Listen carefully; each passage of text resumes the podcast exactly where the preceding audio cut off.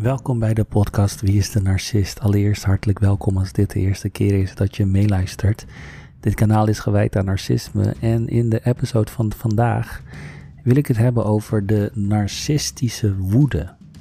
Sommige mensen ontploffen over dingen waar een normaal persoon nooit zo boos over zou zijn. Niet het boos worden op zich, maar boos worden over zaken waar een normaal mens niet zo boos over zou worden, is een duidelijk alarmbel dat de persoon niet normaal is. De narcist zoekt bewust conflicten op. Zolang zijn ego en eigen belang voorop staan, kan het goed gaan. Op het moment dat zijn imago op het spel staat of nul aandacht krijgt, dan is het gevolg narcistische woede. In een goede relatie proberen we bij een conflict tot een oplossing of compromis te komen. Maar bij een narcist gebeurt precies het omgekeerde.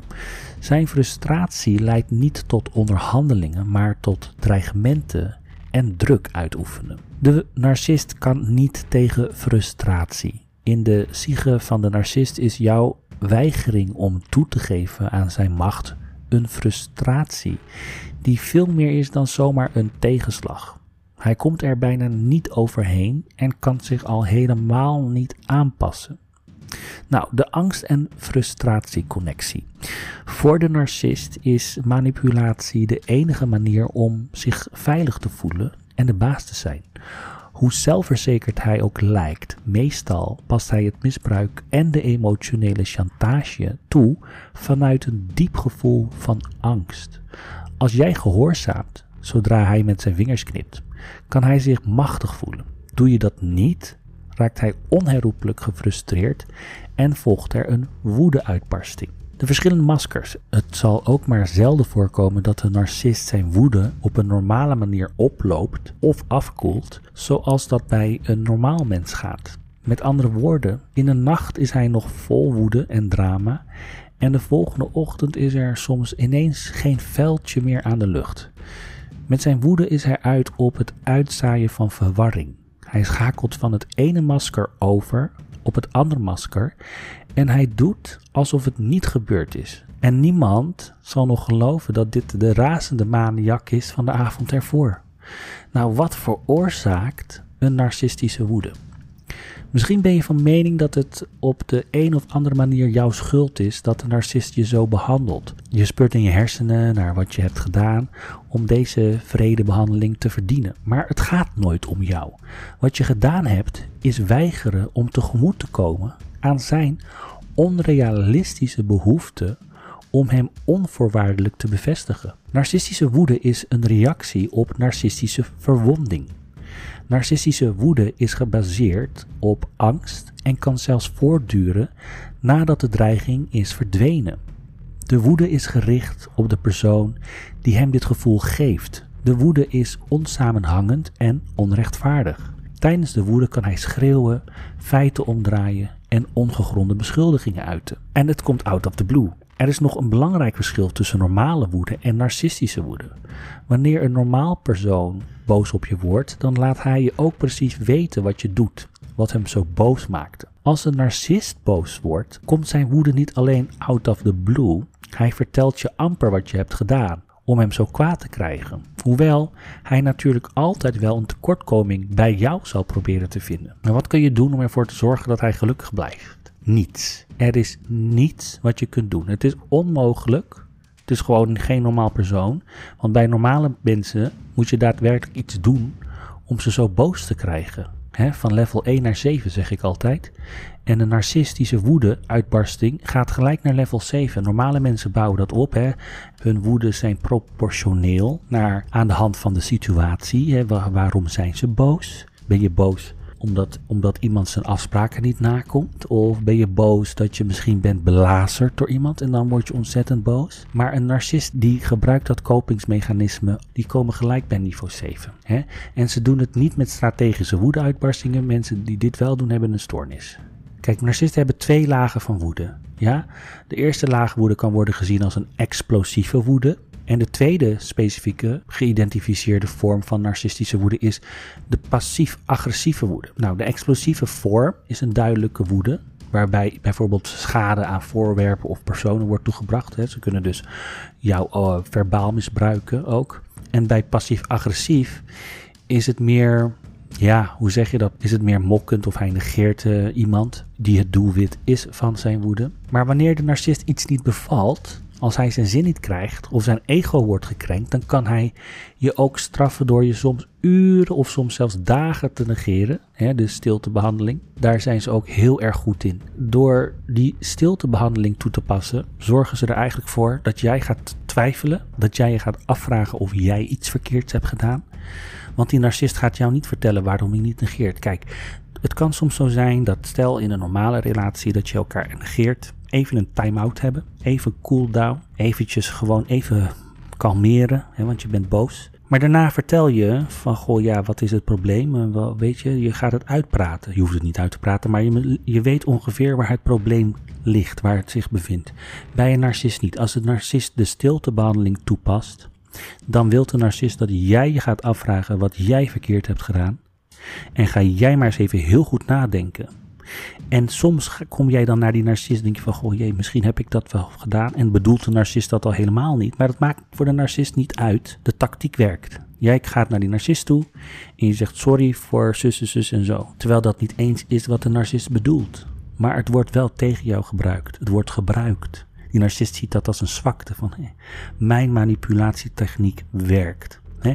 En zo kunnen zij weer rechtvaardigen dat zij die stiltebehandeling hebben toegepast. Denk ik van ja, dan kan jij inzien wat jij verkeerd hebt gedaan. Ga jij maar eens even heel goed nadenken en vertel jij maar wat jij denkt wat jij verkeerd hebt gedaan. Dat is de stiltebehandeling. Een hele beroemde tactiek en een heel erg effectieve tactiek. Wat ze vaak ook wegdoen is weglopen en negeren. Ja, dus uh, hoewel je waarschijnlijk het bewijsmateriaal hebt gezien, hoe gestoord die narcist wel niet is, tijdens zijn woedeuitbarstingen wil je dat waarschijnlijk niet laten merken om hem niet te kwetsen en om jezelf te beschermen. Dus speel je het spelletje mee en in het vervolg geef je geen enkele kritiek meer. Door nou maar weer je mond te houden, dan leg je eigenlijk meer de basis voor meer misbruik en woede aan uitbarstingen. De narcist denkt dat hij er toch wel mee wegkomt. Je kruipt hierdoor steeds meer in je schulp en hij gaat, steeds machtiger, hij gaat zich steeds machtiger voelen.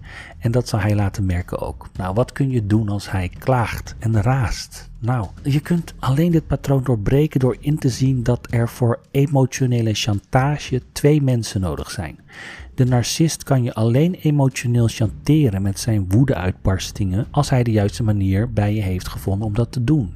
Veel belangrijker dan zijn gedrag te proberen te veranderen, is de moed en het doorzettingsvermogen hebben om jezelf te doorgronden en je houding tegenover de narcist aan te passen. Door, door je steeds toe te geven, leer je hem in feite hoe hij je emotioneel kan chanteren. En als je hem blijft belonen voor dat gedrag, zal hij dat blijven doen.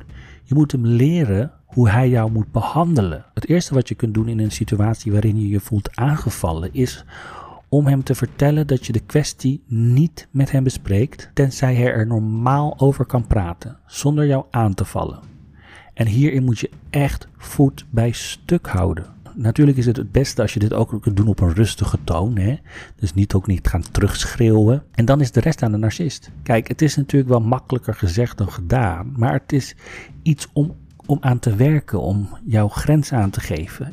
Aan te geven van, hé, hey, jij gaat niet zo tegen mij schreeuwen. Wat je ook kunt doen is als, die, als het echt super heet, een hete verhitte discussie is en een hete woedeaanval, dan zeggen van, uh, luister, ik ga even naar buiten, ik ga even weg, frisse neus halen en ik kom later op dit gesprek terug. Dus dat moet je doen. Je moet zorgen dat je niet ingaat op, je gaat niet terugschreeuwen. Je moet je kalmte bewaren. En dat is moeilijk, dat is echt moeilijk. Want je, vooral bij een narcist is dat heel moeilijk. Zeker als je gefrustreerd bent. Maar je moet dat echt proberen. En als je er klaar voor bent om dat gesprek aan te gaan, dan uh, hoef je het niet eens te zijn met die narcist. Dan zeg je, goh, dat, ik, dat is jouw mening, maar ik ben het er niet mee eens. Dus dat is het. Ik respecteer jouw mening en dit is mijn mening. En dan laat je ze maar lekker gaar koken in een soep want je moet je natuurlijk niet als een deurmat gaan zitten gebruiken, laten gebruiken.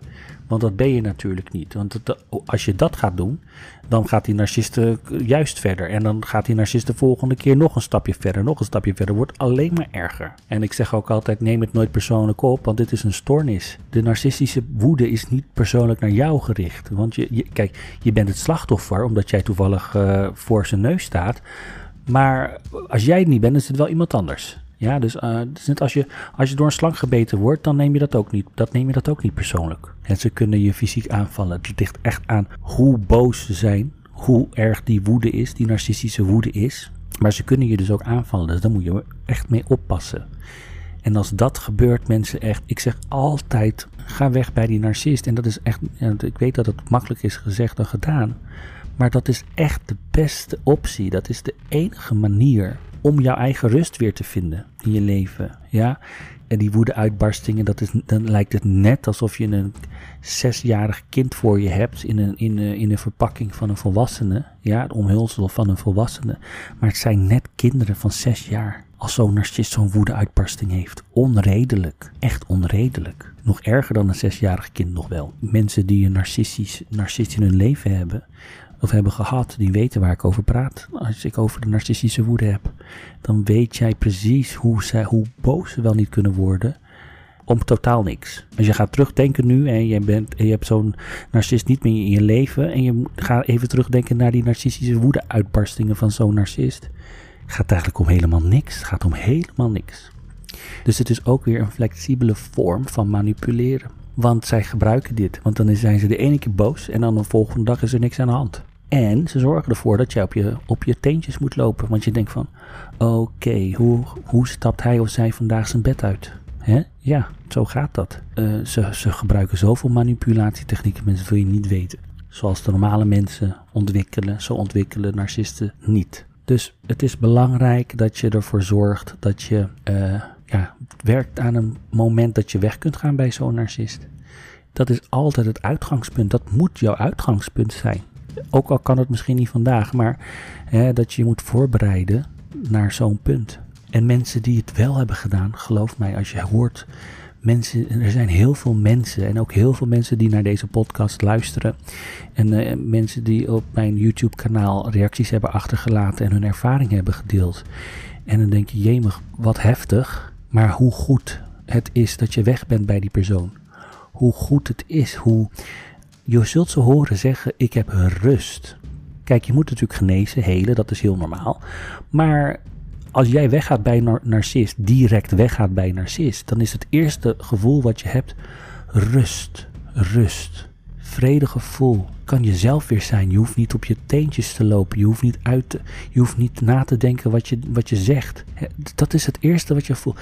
Kijk, tuurlijk is er ook een schok. Hè? De, die, de shock of betrayal, de schok van verraad, zeg ik altijd.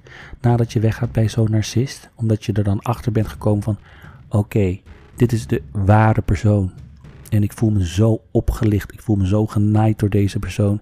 Ik zie nu pas in wat voor wie die persoon echt is. Hè? Dat is de schok van verraad, noem ik dat. Kijk, je moet natuurlijk door een helingsproces genezen. Dat kost tijd, dat is normaal. Je, hebt, je emoties zijn al over the place, dat is heel normaal. Je, je hebt woede aanvallen, of je, je voelt je boos, je wilt wraak nemen. En dan voel je je weer, de ene dag voel je je weer zo goed, zo zelfverzekerd, dat, zo zelfverzekerd van jouw keuze dat je, die je gemaakt hebt om de narcist te verlaten en dergelijke. Je hebt uh, slapeloze nacht. Heel veel mensen dromen nog over die narcist, hè, nog maanden, jaren nadat ze de narcist verlaten hebben, blijft die narcist in je dromen komen. En dat is ook, uh, terwijl je er niet eens aan denkt, terwijl je dat niet wilt. Hè? Maar dan, en die dromen lijken dan nog zo echt, hè? alsof het echt gebeurt. Ik heb dus reacties gehad van mensen die, die echt heftige situaties hebben meegemaakt. En ze zijn weg bij, narcist, bij de narcist. En ze zien nu hè, um, in hoe beter hun leven is. Hoe rustiger hun leven is. Hoe meer stabiliteit er in hun leven is. En deze mensen die narcisten in hun leven hebben gehad, die uh, kunnen nu een narcist van kilometers ver afruiken. Ja, dat is het mooie ervan. Als je bent geheeld, dan kun jij een narcist ruiken van 10 kilometer afstand dan weet je gelijk ook, dit is een narcist. Bij mij moet je niet in de buurt komen, want als je bij mij in de buurt komt, dan krijg je, dan krijg je hem eh, volop van mij, weet je. Dat is hoe, de, hoe mensen reageren na narcistisch misbruik. Dat is heel normaal. Maar goed, dat is waar ik het vandaag over wil hebben. Over de woede-uitbarsting van een narcist. Ik hoop dat het een interessant onderwerp is geweest voor vandaag. Als dat zo is, laat je comments achter in de commentbox. Abonneer je op mijn kanaal, dat stel ik altijd op prijs. Hartelijk dank voor het luisteren voor vandaag en tot de volgende keer.